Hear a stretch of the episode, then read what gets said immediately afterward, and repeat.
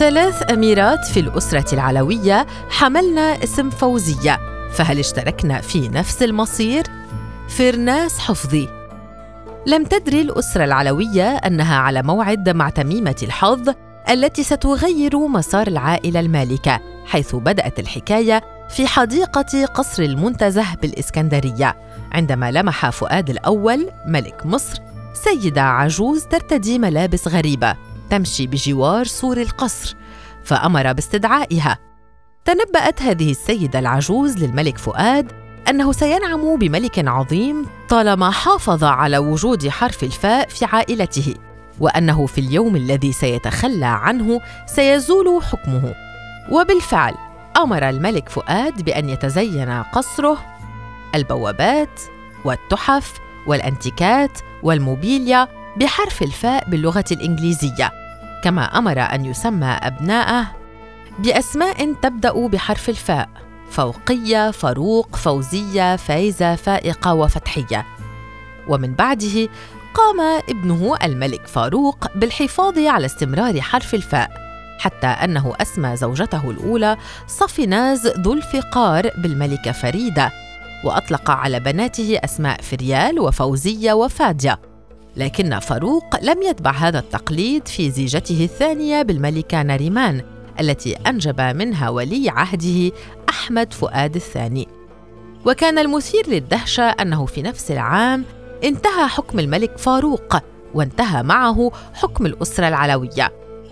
وجاء بعد ذلك الملك أحمد فؤاد الثاني الذي أنجب كل من محمد علي فوزية لطيفة وفخر الدين.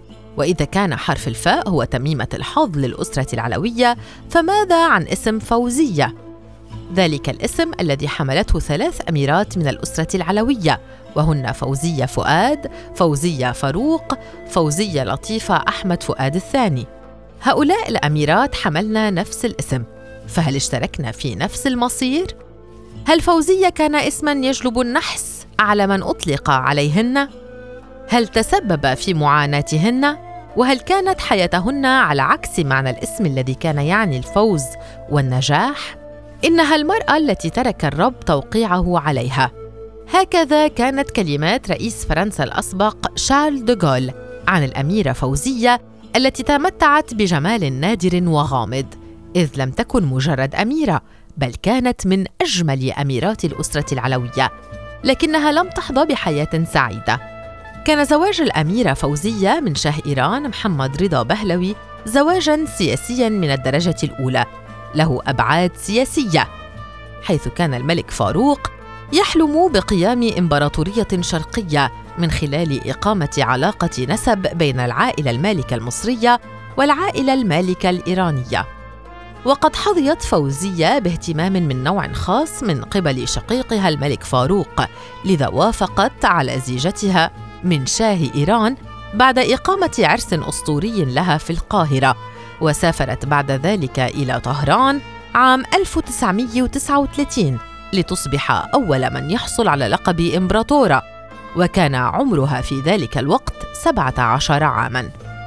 لاقت الأميرة فوزية كل الحب والتقدير من الشاه الوالد رضا بهلوي فكان يكن لها عناية خاصة.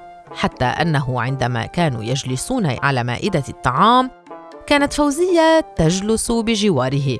وحدث في مرة من المرات أنها كانت تمر بوعكة صحية فلم تحضر إلى طاولة الطعام فلم يحضر هو أيضا ولم يهدأ له بال حتى اطمأن أنها استردت عافيتها. وبالرغم من ذلك لم تحب الأميرة فوزية الشاه رضا بهلوي ووصفته بأنه رجل عنيف وعدواني.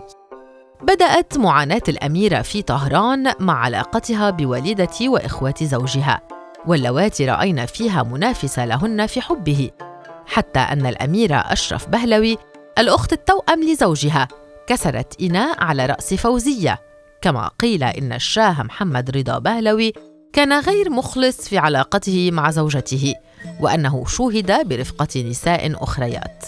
ليس هذا فحسب حتى أن الطعام الفارسي لم يلقى استحسان الأميرة فوزية التي تربت على نوعية الطعام الفرنسي حيث ذكرت أن الطعام الفارسي كان دون المستوى.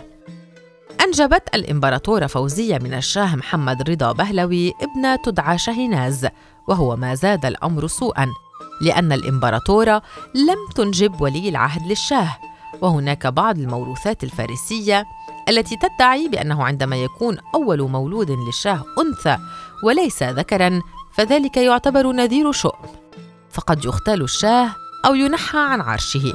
والمثير للدهشة أن هذا ما حدث بالفعل. فكان محمد رضا بهلوي هو آخر من حكم إيران قبل الإطاحة به بسبب اندلاع الثورة الإسلامية عام 1979 كانت كل هذه الأسباب كافية لكي تصاب الأميرة فوزية بالاكتئاب وقد عولجت من قبل طبيب نفسي أمريكي بداية من عام 1944 وقد ذكر ذلك زوج ابنتها وزير الخارجية الإيراني في عهد الشاه أرشير زاهيدي للمؤرخ الإيراني الأمريكي عباس ميلاني في مقابلة عام 2009 والذي قال أيضا إنها قالت من قبل أن زواجها كان بدون حب وأنها لم تطلب الطلاق أيضا. كان الملك فاروق يتتبع تلك الأمور التي تحدث للأميرة فوزية في إيران عن طريق تقارير سرية كانت تصل له. تشير إلى أن الأميرة فوزية تعيس في حياتها وتقضي معظم الوقت منعزلة في حجرتها وكما اتخذ فاروق قرار الزواج اتخذ أيضا قرار الطلاق. ليكون بذلك الطلاق الأكثر غموضا في التاريخ. يصف كريم ثابت ملابسات قرار الطلاق في مقدمة كتابه طلاق إمبراطورة قائلا بأنها كانت أقرب إلى القصص الخيالية منها إلى القصص الواقعية.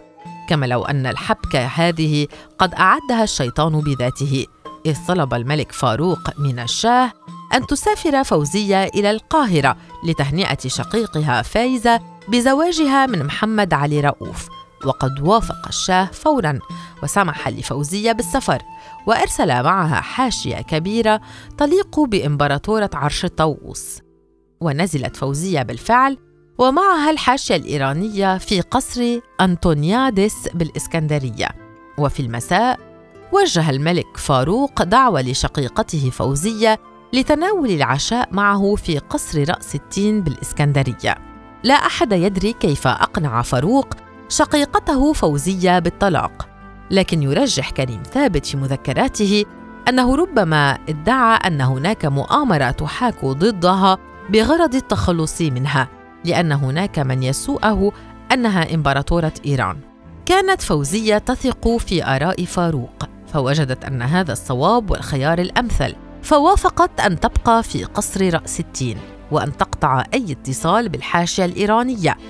وكانت المفاجأة عندما تم تهريب كل متعلقات الأميرة فوزية وملابسها من قصر أنطونيادس الذي نزلت فيه مع الحاشية الإيرانية. وتم إعطاء الأمر بسحب الخدم والشماشرجية والحرس والضباط. وقد استيقظ أفراد الحاشية الإيرانية على صدمة عندما وجدوا أن القصر يخلو من الخدم والحرس. باستثناء ضابط حراسة الذي أخبرهم أن هناك أوامر جاءت لهم بإخلاء القصر من الخدم والحرس وهو ما يعني شيئا من الإهانة أنهم ليسوا في ضيافة الملك. ومضى فاروق في خطته لطلاق فوزية من الشاه وطلاقه أيضا في نفس الوقت من الملكة فريدة ليتزامن الطلاق الملكي ما بين القاهرة وطهران. ربما أراد فاروق من ذلك أن يشتت تركيز الشعب عن طلاقه من الملكة فريدة الذي أغضبهم كثيرا وجعلهم يخرجون متظاهرين يهتفون. خرجت الفضيلة من بيت الرذيلة كما ورد في كتاب فاروق من الميلاد إلى الرحيل للدكتورة لطيفة محمد سالم.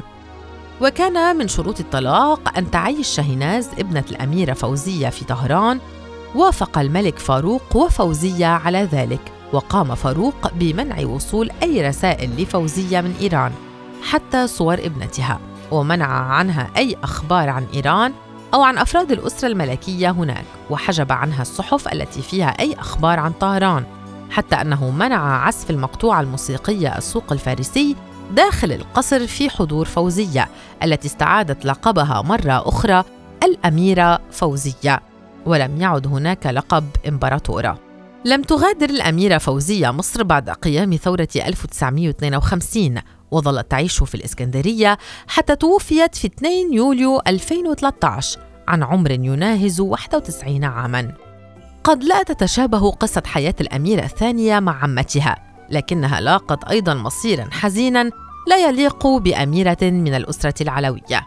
حياة الأميرة الثانية لم تكن صاخبة بالأحداث مثل عمتها حيث غادرت مصر في عمر 12 عاماً مع والدها إلى المنفى بعد ثورة 1952 سماها والدها بهذا الاسم نظرا لحبه الشديد لشقيقته فوزية. عانت الأميرة فوزية فاروق من مرض المفاصل طوال حياتها وعندما سافرت مع والدها إلى المنفى بإيطاليا التحقت بعد ذلك بمدرسة داخلية في سويسرا وعندما تخرجت منها عملت مترجمة فورية هناك ولم تعد إلى مصر مجددا وتوفيت وحيدة كما عاشت وحيدة في 28 يناير عام 2005 في مستشفى بمدينة لوزان بسويسرا بسبب معاناتها مع المرض. عاشت الأميرة حياة حزينة وبائسة بالرغم من أنها ولدت في أفخم وأعرق القصور الملكية سراي عابدين القصر الذي تربع على عرشه أجدادها الملوك لكن القدر حال دون ذلك. تبدو حياة فوزية الثالثة أفضل من الأولى والثانية إلى حد ما. لعل ذلك يعود أنها لم تولد كأميرة في القصر الملكي وتدهور بها الحال. أو لأنها لم تعش حياة الدسائس والمكائد التي كانت تحاك في القصور الملكية. وتكمن الدراما في حياة فوزية الثالثه التي ما زالت على قيد الحياة والتي سميت أيضا على اسم الأميرة فوزية فؤاد في الاستقرار الأسري. فيبدو أن والدها وريث عرش الملك أحمد فؤاد الثاني لم يحالفه الحظ في الزواج مثل أبيه فقد تزوج أحمد فؤاد من والدتها دومينيك فرانس بيكار الفرنسية اليهودية التي أسلمت فيما بعد وسميت بالملكة فضيلة وأنجبت له الأمير محمد علي والأميرة فوزية لطيفة والأمير فخر الدين.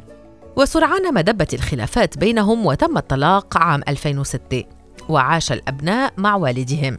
عاشت الأميرة فوزية لطيفة التي ولدت في 12 فبراير 1982 مع والدها وأشقائها بعد الطلاق. عملت في مجال العلاقات العامة والإعلام وعملت أيضا دبلوماسية ضمن وفد مونتي كارلو بالنمسا. كانت تحمل جواز سفر إمارة موناكو وتزوجت مؤخرا من فرنسي مسلم يدعى سيلفان هونودو ويعمل مهندس إلكترونيات. رسمت الحياة الهادئة ملامحها على وجه فوزية لطيفة فهي لا تبدو صاخبة مثل سابقتيها عمتها أو شقيقة جدها.